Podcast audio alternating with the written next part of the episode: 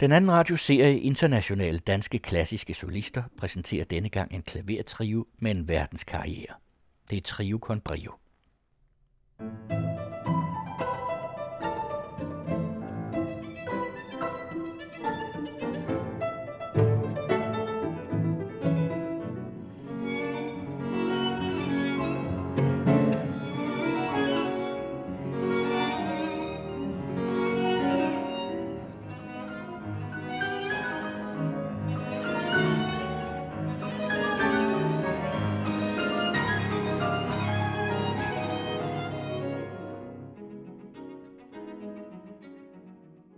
Som led i dine klaverstudier har du studeret i Wien, og der mødte du de to musikersøstre, Su Jin Hong og Su Kwong Hong.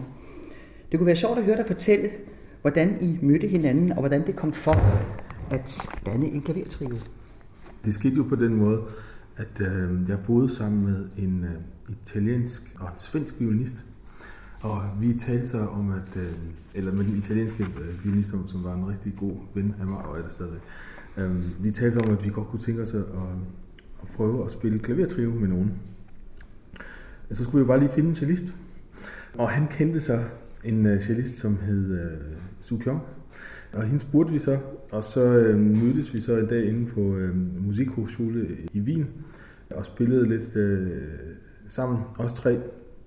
Og øh, det gik alt sammen øh, meget fint, og vi havde det vældig sjovt, men øh, efter et, to, en to-tre måneder, så blev den der trio til en, en duo i stedet for. Øh, og så begyndte vi to, altså Sukyong og jeg, øh, vi begyndte så at spille rigtig meget cello og, og klaver duo efter et kort stykke tid, og så blev vi også et par. Øh, så det var sådan en meget, hvad kan man sige, øh, fra begyndelsen sådan virkelig sådan en, en symbiose mellem musik og, og kærlighed og, og os to, og, og også det der meget spændende for os begge to med de to kulturer. Ja, og så spillede vi jo en masse koncerter og, og tog til konkurrencer og så videre. Så Kong havde ud sin søster hele tiden. med. Jo, det er klart. det var ikke den ene, der kom til, og det var faktisk sådan, at det var ikke bare øh, Su Kyung og Su Jin, altså cello og violin, men der var to søstre mere, øh, som også var taget til Wien for at, at studere. Og, og de var meget tæt på hinanden, de fire. Det var sådan virkelig sådan en trip-trap uh, træsko og så en mere. Fordi at uh, Tsukyong og Sujin, de fødte det samme år. Og uh, den ældste søster, som spiller klarinet, hun er så uh, selvfølgelig et år ældre, den yngste et år yngre. Så de er sådan meget tæt på hinanden. Og det gjorde selvfølgelig også, kan man sige, at uh, de skulle lige vende sig til, at der kom sådan en, uh, en mærkelig en ind og forstyrrede det der. uh, men uh, i, i hvert fald så, da der var gået en, uh, en tre år, eller sådan noget lignende, der øh, fandt vi så ud af, at vi faktisk godt kunne tænke os at spille øh, klavertrio. Så, så var det selvfølgelig meget naturligt, at vi spurgte øh, Sujin. Og det var lidt morsomt, fordi Sujin var jo meget skeptisk i begyndelsen, fordi hun havde været vant til altid at være sammen med sin søster. Det var jo en rigtig hyggelig tid, fantastisk tid øh, dernede, fordi vi, som der mange musikstuderende gør, som de også gør her i København, så øh, bor man næsten inde på konservatoriet, fordi man jo har sin altså man har selvfølgelig sin gang derinde, men så har man også sit øh, instrument derinde, og øh, også når man spiller sammen med nogen og så videre. Så det er jo nærmest sådan, fra man stod op, så tog man derind, og så tog man hjem om aftenen for at sove næsten. Ikke? Så det var sådan virkelig næsten en, en stor familie, også med, med alle de øh, udenlandske studerende. Men det var jo alligevel så lidt specielt for Sujin, at øh, lige pludselig så havde hendes søster jo meget lyst til også at være lidt sammen med mig jo heldigvis. Det var jeg jo glad for. Så, så vi var så meget derinde, ikke? Og, og så, så skulle hun lige vende sig til, at, øh, at, at jeg også ligesom øh, var der. Men det fandt vi så hurtigt ud af. Og så kan man så sige, at vi begyndte at spille sammen, øh, alle tre i vores trio, og så var, var vi jo ligesom øh, sammen, ikke? Og så så hvem ved det, hvad det var derfor, Sujin begyndte at spille trio, for at hun gerne ville være sammen med sin søster igen. Nej, det var det nok ikke. Men det var i hvert fald en meget sjov, øh, ja. fordi de er jo sådan, hvad kan man sige, de to, det man kalder Irish uh, twins, ikke? de er født i samme år og, og meget tæt på hinanden. Ikke? Så øhm, det har været sådan ret øh, specielt også på den måde. Ikke? Altså, men det giver jo selvfølgelig også noget meget tæt, noget, ja. øh, musikalsk også. Ikke? Altså, ja, for det er netop det med kommunikationen, når man ja. nu øh, spiller kammermusik på, en, på, på scenen, så kan man jo ikke tale med hinanden. Øh, den der stumme kontakt, man har der, det er noget, man sådan kan sætte ord på. Ja, det tror jeg egentlig godt, man kan. Altså, det er jo noget, som man godt kan øve på også. Det er klart, at, at der er mange ting, som er underforstået øh, fordi man har sådan, kan man sige, sådan helt øh, lavpraktisk aftalt det på forhånd. Øh, så det er aftalt spil. Men, men man kan sige, alt det, som man ikke kan aftale, som jo egentlig også på mange måder er det, som gør det interessant, når man spiller, altså det, som ligesom er det improviserede eller det inspirerede i øjeblikket, det er jo noget, som både vi som musikere og publikum og, og musikken jo lever af, fordi ellers kan man sige, altså hvis det var en tør reproduktion øh, i, i koncertsituation uden ligesom noget ekstra, så vil der jo ikke være noget specielt ved koncertsituationen. Det er jo derfor, folk går til koncert, ikke? Fordi også der er jo, der er jo en, en, et eller andet sted, så er der jo en risiko ved det øjeblik, fordi man ved aldrig helt, hvad der sker. Men når man så har de der understrømme, og, og, og specielt kan man sige, når der er en, altså imellem øh, søstre, som så spiller strygeinstrumenter, det er klart, der er noget helt specielt der. Og, og der tror jeg simpelthen, at det nogle gange er sådan, at de nærmest sådan kører på den samme kanal.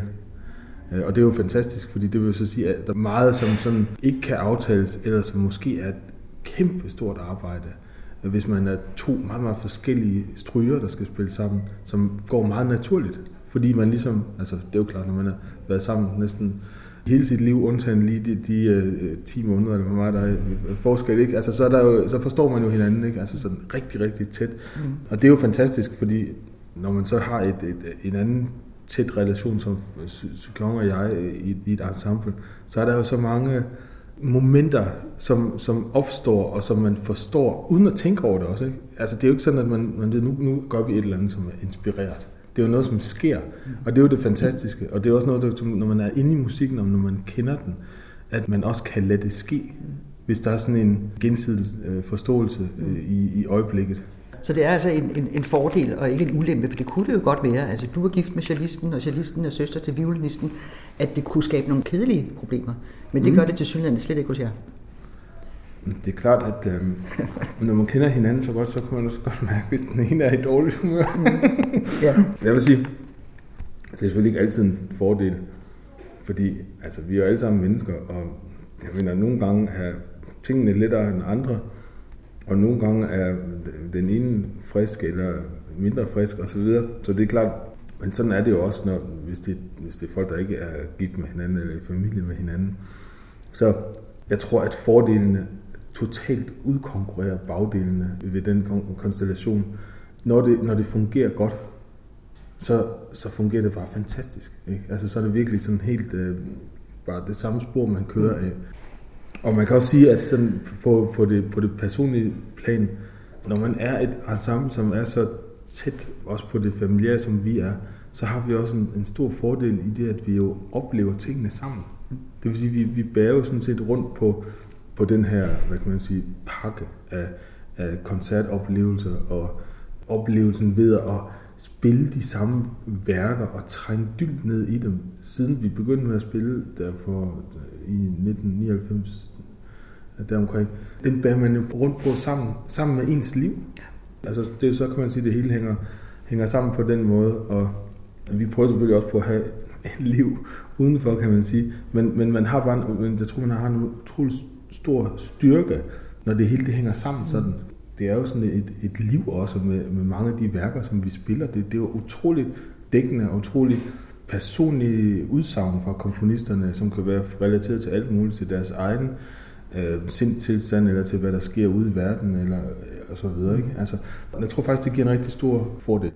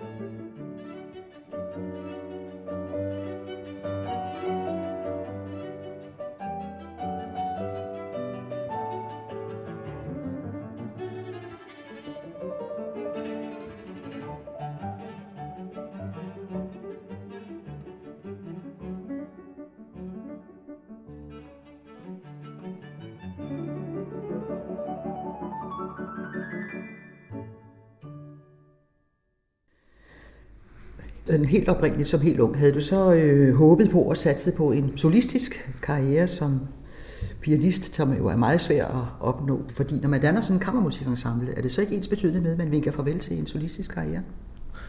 Jeg tror, hvad der sker i ens øh, musikalske liv, og, og liv, det er jo, det er jo meget med, med, med tilfælde også. Og altså, jeg spiller jo stadigvæk øh, en gang imellem som solist og recital, så jeg synes, det er enormt øh, spændende øh, og vigtigt. Øh, og det gør også Fjorgen Sutine også, øh, samtidig med, at de har deres orkester øh, mm. arbejde. Ja, for I er virkelig alle vegne i musiklivet jo, altså, og du underviser på konservatoriet. Ja, altså. præcis, ja. ja. Men det at træde ud af kammermusikgenren og være solist, det har vel også jo, jo. en god virkning? Ja, ja men, og, og det er jo det, som, meget, øh, som, som er lidt, øh, kan man sige, tilfældigt. Altså det kan man se sådan baglæns, der, jeg kan faktisk huske, da vi studerede hos Alban Berg Kvartet, hvor vi engang snakkede med en, en af de fire, lidt om det der med, hvorfor øh, der er nogle øh, ensembler, kvartetter og trio, der fortsætter, og der er nogen, der ikke gør. Og han sagde, der er kun én ting, der dikterer det. Det er simpelthen succes. Fordi når, når folk har succes, så fortsætter det. Ikke? Og så har det jo en sådan selvforstærkende effekt. Men hvis vi tre ikke havde mødt hinanden, jamen så havde vi jo været et andet sted i, i dag. Ja. Og, og sådan er det jo for de fleste øh, ensembler at det er ligesom, der opstår et eller andet, det er jo ligesom et hold, ikke det der med holdspil, så opstår der noget, og så hvis alle er fuldstændig tændt på det og går ind øh, i det med, med liv og sjæl, så kører det. Ja. Og, så, og så er der enormt meget positiv energi, der er enormt meget kreativ energi, og lyst og planer og så videre. Men det er jo klart, hvis der så på et tidspunkt, hvis der begynder at opstå tvivl i sådan en konstellation med flere mennesker, så er det rigtig, rigtig svært.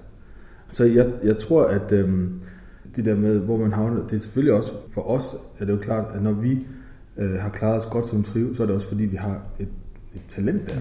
På mit vedkommende havde jeg en, en utrolig stærk oplevelse med kammermusik, øh, da jeg gik på, på konservatoriet i Aarhus, og hvor der simpelthen kom et tilbud om at komme til øh, Jerusalem, midt i 90'erne tror jeg det var, på sådan en meget speciel chamber music camp, og jeg havde aldrig nogensinde prøvet sådan noget før. Og så øhm, var der sådan en forspørgsel fra Israel til Danmark, øh, sikkert på grund af også Danmarks øh, indsats der under 2. verdenskrig og så videre, som sådan en, en tak. I, jeg tror faktisk, det var igennem Herbert Pundik, som kendte Isaac Stern, øh, som jo var sådan initiator til det der projekt. Og så blev nogle stykker øh, udvalgt fra konservatoriet i Aarhus, og så fra konservatoriet i København til at tage derned. Og det var jo forvejen for mig virkelig øh, ekstremt eksotisk at komme til Jerusalem, fordi det, var, det havde man jo kun hørt om. Øhm, så øh, altså det specielle ved den, den masterclass, det var, at det var ikke bare sådan i kort tid, en eller to uger, men det var simpelthen fem uger, uh, som vi skulle være dernede. Isaac Stern var der hele tiden, og kom en masse, det var så ikke alle, der var der hele tiden, men Jojo Mar var der, og Emmanuel Ax var der, og Joseph Kalksteiner og alle mulige sådan fantastiske øh, musikere fra USA og Israel. Og det var virkelig sådan en øh, øjenåbner øh, for mig. Men bare det at gå op og ned af de, ja. de fantastiske ja. ikoner. ja, det var nemlig det. Um, og så også fordi det var sådan meget um, intenst, at man kunne beskæftige sig med en komponist i fem uger. På sådan en helt utrolig dedikeret måde var det simpelthen. Det havde en meget stor indflydelse på, at jeg i hvert fald fik øjnene op for den verden, der var i kammermusikken. At det var noget, altså, noget helt specielt. Og, og det der med at, at, at have et, et ensemble, om så er eller trio, eller, eller, eller hvad det er, og at man virkelig går ind i det med liv og sjæl, hver detalje, altså som liv og død, det er noget specielt det er også noget med, hvis der sker noget på, på et tidspunkt i ens liv, så måske ved man jo ikke lige på det tidspunkt, det er det, man kommer til at lave på et senere tidspunkt. Men så har man prøvet det, og man har smagt øh, den der verden. Smagt, hvad der er inde bag ved den dør, og, og, og hvilken, altså, hvilken utrolig have det er, ikke? Ja. Altså inden jeg tog derned, der havde jeg slet ikke nogen fornemmelse af, hvad det var. Men det, det fik jeg så bagefter, ikke? Og så har man jo er man utrolig åben, når man så, jeg kan huske, så, da jeg tog til Wien også, og gik til mange koncerter, fordi dernede nede har de en fantastisk kammermusiktradition. Og det var virkelig, altså, virkelig utroligt niveau, der var. Altså, altså når det er så heldigt også, at, øh, at, at man, man så bliver et, et, et øh, par, ikke? Det er jo fantastisk, altså, at, at det kan ske, ikke? Altså, at, at, at man sådan mødes sammen om musikken. Ikke? Altså, det er jo virkelig helt, øh, helt unikt. Der er jo sådan flere øh, etapper. Lige når man kommer frem, så er der jo selvfølgelig nyhedens interesse. Og så er, er de fleste jo unge, og, og det er jo sådan spændende på den måde. Ikke? Og der er der en masse øh, muligheder for, og specielt hvis man vinder konkurrencer, så er der en masse døre, som åbner sig. Og så øh, kan man få lov til at spille der og der og der. Og det er jo altså øh, rigtig spændende. Så kan man sige, så øh, efter et stykke tid, så er man jo ikke så ung mere, desværre. Så har man ikke det kort at spille. Og så øh, kommer der selvfølgelig en periode, hvor man så skal prøve at etablere sig sådan på en anden måde. Og så til sidst, så kan det være, at øh, man bliver altmeister. Måske, hvem ved, hvis man ikke bliver glemt. Men det er jo sådan lidt, og det er klart, at det som er vigtigt for, for alle, for det første skal man selvfølgelig gøre det så godt som muligt, så spille, spille godt, men man skal også prøve at, at, forny sig. Mm. Man skal virkelig prøve at forny sig, man skal prøve at, at være um, åben over for repertoire. Man skal prøve at, at tænke meget over, hvordan man præsenterer sig bedst, hvilket repertoire man virkelig gerne vil spille. Måske også hvilket repertoire man virkelig gerne vil spille alligevel, selvom folk ikke, måske ikke lige beder om det. Mm. Og så er der også noget med identitet, som jo er utrolig vigtigt for, for en selv, men det er også meget vigtigt for, for publikum at kunne identificere et ensemble, eller en musiker med noget bestemt. At folk de er meget øh, opmærksomme på, at de har deres specifikke fingeraftryk med hensyn til repertoire også, også med hensyn til deres faktisk, hvordan det ser ud til, synes jeg. Og det er klart, at øh, vi prøver at planlægge sådan set, sådan at vi laver nogle programmer, som også har et eller andet at gøre med noget nyt dansk øh, musik, eller, mm. eller noget fra Skandinavien.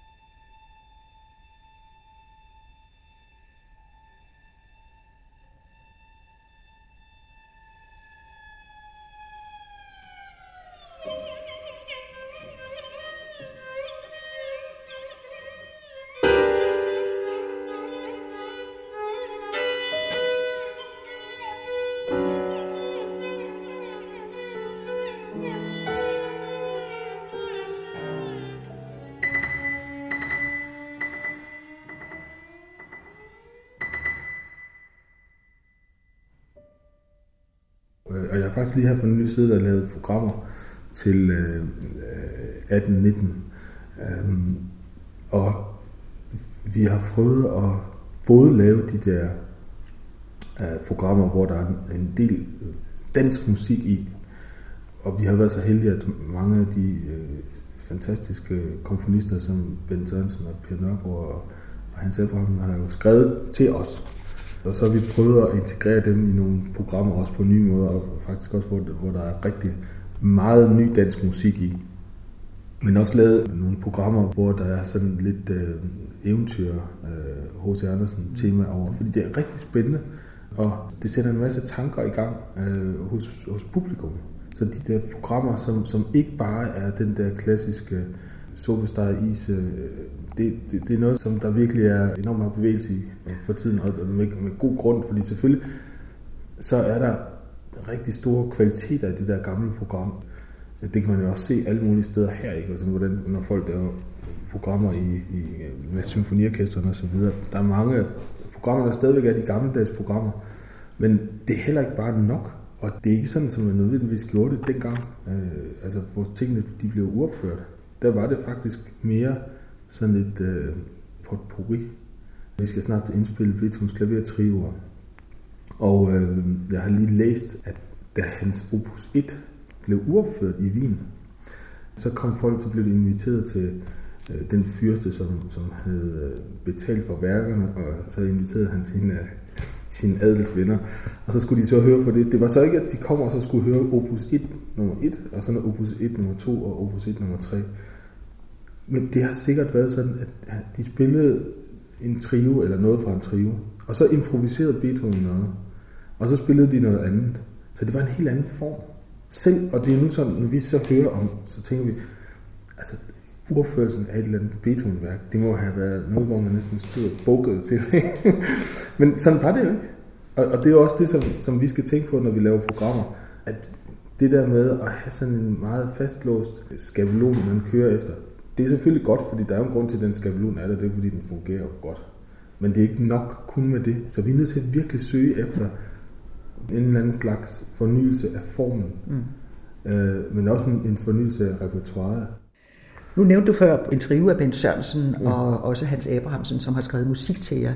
Når I så kommer til udlandet, øh, blander I så øh, de kendte klassikere Mendelssohn og Beethoven med, for eksempel en trio af Ben Sørensen? Er det sådan noget, publikum kan lide? Eller hvad med Karl Nielsen? Han har vist skrevet en enkelt tidlig trio, og Lang Møller har skrevet noget. Blander I de danske nye og ældre komponister sammen med klassikerne? Ja, det gør vi. Man må sige, at, øh, at publikum, synes jeg, har ændret sig ret meget, synes jeg, de sidste sådan 10, 10 år. Jeg synes, de er blevet meget mere nysgerrige. Mm. Øh, og det er jo en god ting. Fordi det var på et tidspunkt, synes jeg, hvor vi blev simpelthen bedt om at spille Dvorak's Dumki hele tiden. Og det er selvfølgelig også et rigtig godt stykke, men uh, det er ikke det eneste, der findes. det har faktisk primært været de, de øh, nye kompositioner. Altså dem har vi haft med rigtig, rigtig meget på turné i udlandet. Mm. Og vi har faktisk ofte spillet en af dem næsten ved, ved hver koncert. Og folk, de elsker det. De synes simpelthen, det er så spændende. Er der musik, I ikke spiller? Er der musik, I ikke bryder om? Det har jeg nærmest lykkeligt glemt. Der er, nogle, ja, der er nogle ting, som vi har spillet kun en eller to gange. Men der er ikke sådan deciderede perioder, som vi ikke spiller. Eller komponister, I ikke bryder om? Nej, nej, nej, det er der okay, ikke. Nej. Øh, altså, jeg ved ikke, der er selvfølgelig, vi, vi har måske haft fingrene i noget, så har vi tænkt, okay, det her det er da meget godt, men øh, mm. hvorfor skal vi spille den her, når der nu findes en, som er 10 år bedre? Ja, okay. altså, sådan er det. Ja. Og så tænkte jeg på, sådan disciplinen, den er jo meget, meget vigtig, men altså, der er også noget, der hedder afslappning og ferie. Kan ja. I nogensinde øh, øh, holde helt fri og drikke noget vin og, og komme sent i seng? Kan det lade sig gøre? Jamen, det kan det sagtens. Øhm, det vi er da rigtig gode til at, at slappe af. Øhm, det er klart, efter vi har fået øh, vores øh, datter, så øh, er der noget, der hedder desværre at stå tidligere op om morgenen, når det skal være. Men, men ellers så synes jeg faktisk, vi har lige fra vi begyndte at turnere rigtig meget, øh, lagt sindssygt meget vægt på, at vi skulle også opleve noget, når vi var ude at rejse. Og vi har altid lagt, øh, prøvet at lægge nogle dage ind. Altså, og hvis vi havde et par fridage, så var et eller andet sted i USA, hvor der er en naturpark eller sådan noget, så vi taget derhen. For eksempel her i december var vi jo i Brasilien for at spille. Og så blev øh, Sukyong og jeg og, og Hanna, vores datter, vi blev dernede i to uger bagefter øh, for simpelthen at rejse rundt. Mm. Så jeg synes, vi er rigtig gode til at også koble af. Ja. Og det er, jo, det er jo meget, meget vigtigt. Det er også vigtigt, når man er på turné, fordi nogle gange, når man... Jeg kan huske, at vi, i begyndelsen, da vi tog på turné, der troede vi jo simpelthen, at vi skulle simpelthen øve os hele tiden. fordi så tænker man, at øh, man skal være i form, øh, og man skal øh, sørge for, at, øh, at man øver lige så meget, som man, som man gør derhjemme om, inden en koncert. Og så kan jeg bare huske, at vi var simpelthen så kvæstede, når vi havde været på turné i to uger. Fordi man skal både rejse, tjekke ind på hotel, og, og så skal man hen i koncertsalen, og så skal man vinde sig til det.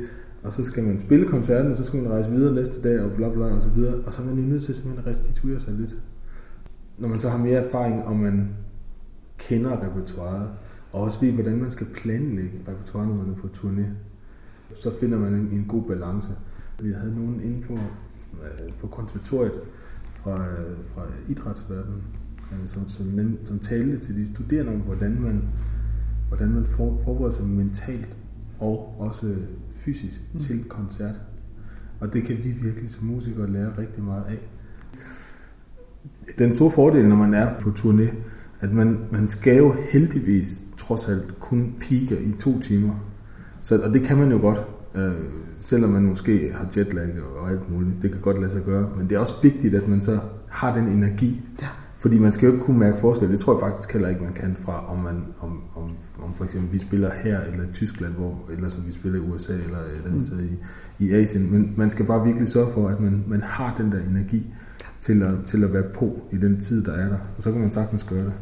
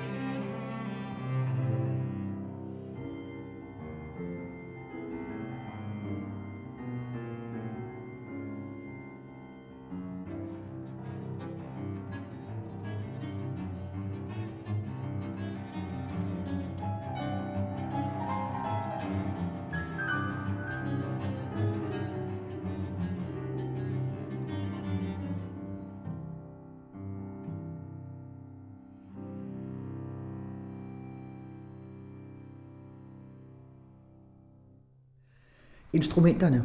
Både øh, Jin Hong og Su Guang Hong har øh, nogle meget, meget suveræne øh, strygeinstrumenter at spille på. Men så har vi jo altid øh, pianisten, som jo øh, skal have det fly, der står i den koncertsal, man kommer i. Mm. Har det nogensinde været et problem? For der står du alene der med, du har jo ikke dit instrument med dig. Mm. Jamen, det har bestemt været et problem. Altså, jeg har jo oplevet alt, vil jeg sige. fra, fra de mest fantastiske øh, instrumenter, splitter nyt Steinway D, til et øh, ormet. Det var så faktisk også et Steinway, men det var orm et, som stod på øh, Hawaii. Man bliver jo sådan en lille smule immun, når man har spillet rigtig meget.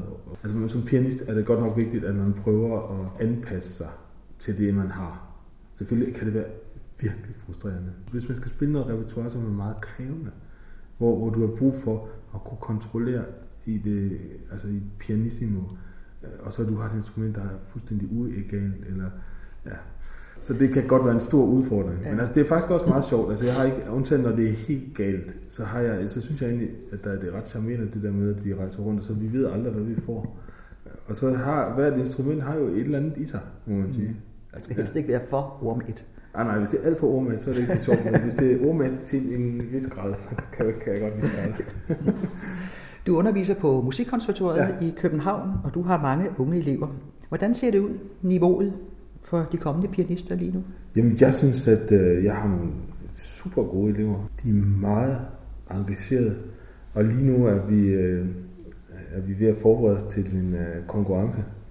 Øh, nordisk øh, klaverkonkurrence, som der er tre af dem, der skal til, og som de simpelthen går op i med ild og sjæl, eller mm. hvad hedder det, liv og sjæl. Um, med også ild. Ja. Um, så jeg synes, det ser, det ser rigtig godt ud. Ja. Men tror du stadigvæk, at der vil blive ved med at være unge mennesker, som bruger deres opvækst og deres ungdom og timer efter timer af deres liv på at spille klaver? Holder det ikke op? Altså, vil der blive ved med at være nogen, der er så dedikeret for den klassiske musik? Altså nu er der jo, der er jo masser af unge nu, som er altså helt ned til 7-8 års alderen, som, som, som bliver bidt af det.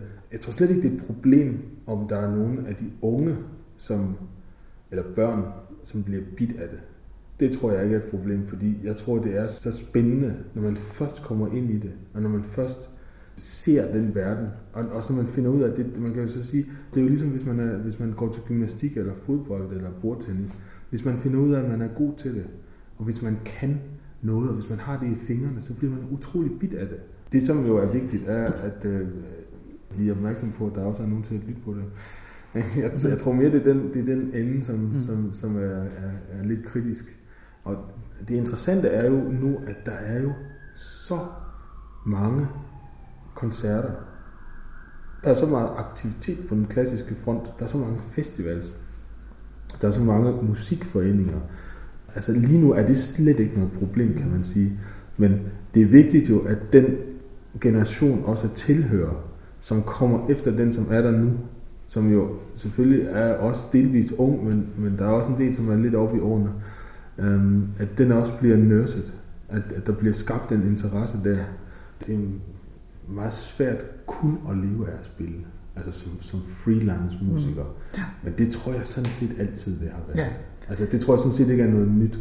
Øh, men der er jo rigtig mange af de, som har fået en klaveruddannelse, øh, som jo er noget særligt, må man sige, fordi der er jo, der er jo ikke et kor, man kan gå ind i, hvis man er sanger, eller i operaen, eller, eller et orkester, øh, hvis man spiller et orkesterinstrument, eller en kirke, hvis man, hvis man er organist. Der er jo ikke sådan et... Nej, altså, det er jo øh, øh, altså meget lidt socialt, ikke? Altså ja, det er meget det. ensomt til ja. ikke?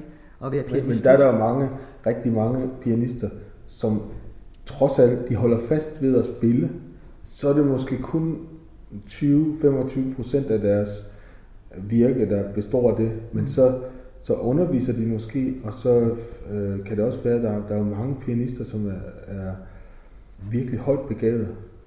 Fordi hvordan skulle de ellers kunne spille en femstemmig bakfuge? altså, så derfor så er der også mange, der havner i øh, kulturlivet på den ene eller anden øh, sted, og, og, eller selv øh, sætter ting i gang. Altså, der, der er rigtig mange, som, som, øh, som faktisk er utrolig kreative og som, som kan meget. Ikke? Hvis man sådan ser på, at det at blive uddannet til pianist, det skal ende med, at man bliver en ny Horowitz. Men det er jo bare sådan en lille smule forenklet. Øh, og det, det tror jeg slet ikke, altså det har jo ikke rigtig gang på jorden. Nej. Øh, og det har det sådan set aldrig været. Det er heller ikke rigtig været meningen. Det er sådan set meningen, at man uddanner en pianist, som selvfølgelig har et utroligt højt niveau, og det har de faktisk alle sammen, men som er i stand til at også indgå i alle mulige relevante sammenhænge. Mm.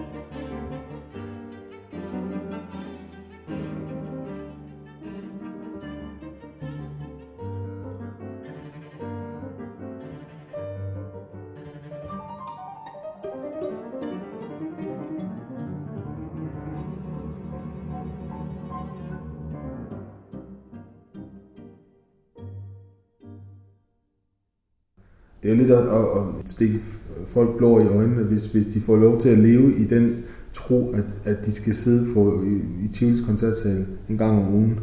Ikke? Det, det duer ikke rigtigt. Nej.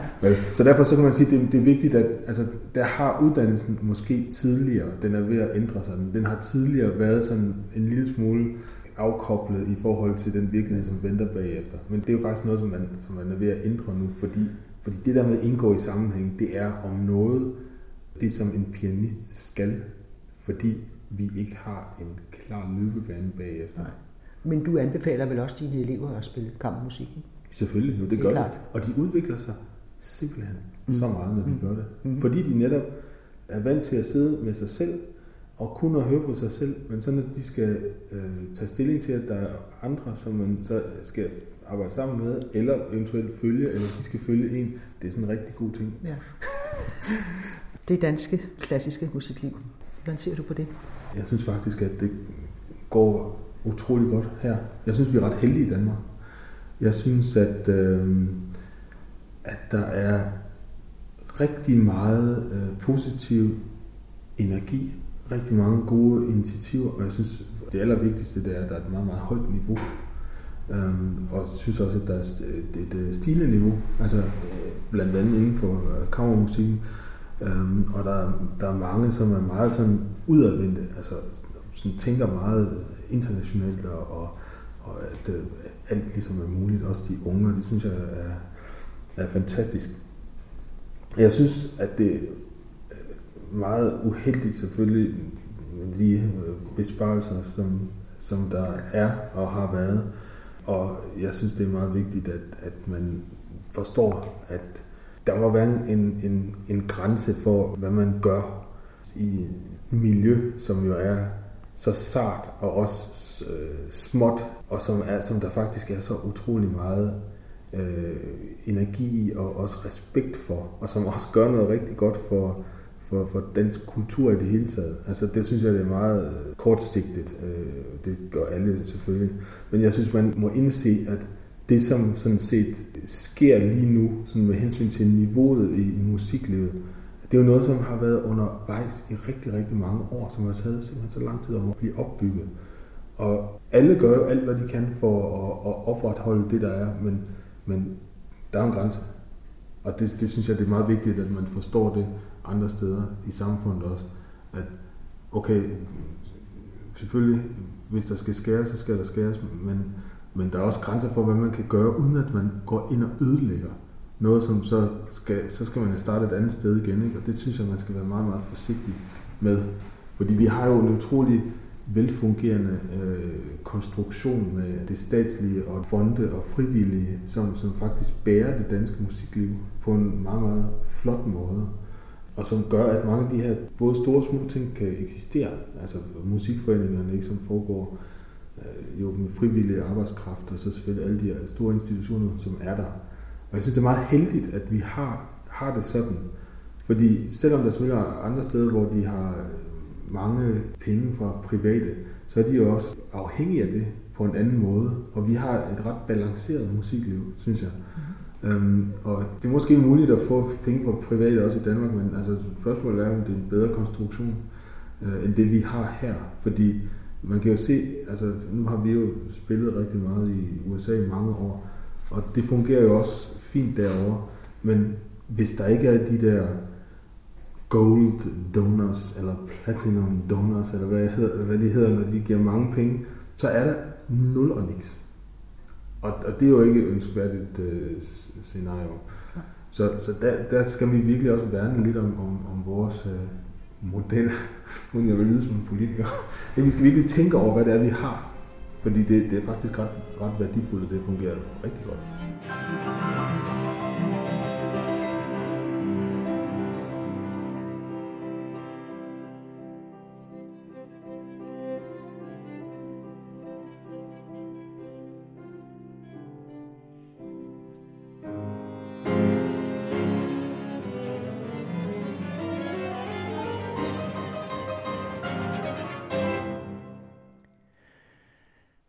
Al musikken i udsendelsen var med Trio con Brio, starten af anden sats af Maurice Ravels trio, dernæst skærtsoen af Mendelssohns klavertrio i D-mol, En sats af Ben Sørensens Fantasmagoria var det næste, og det fuldtes af endnu en scherzo af Mendelssohn, denne gang for klavertrio i C-mol.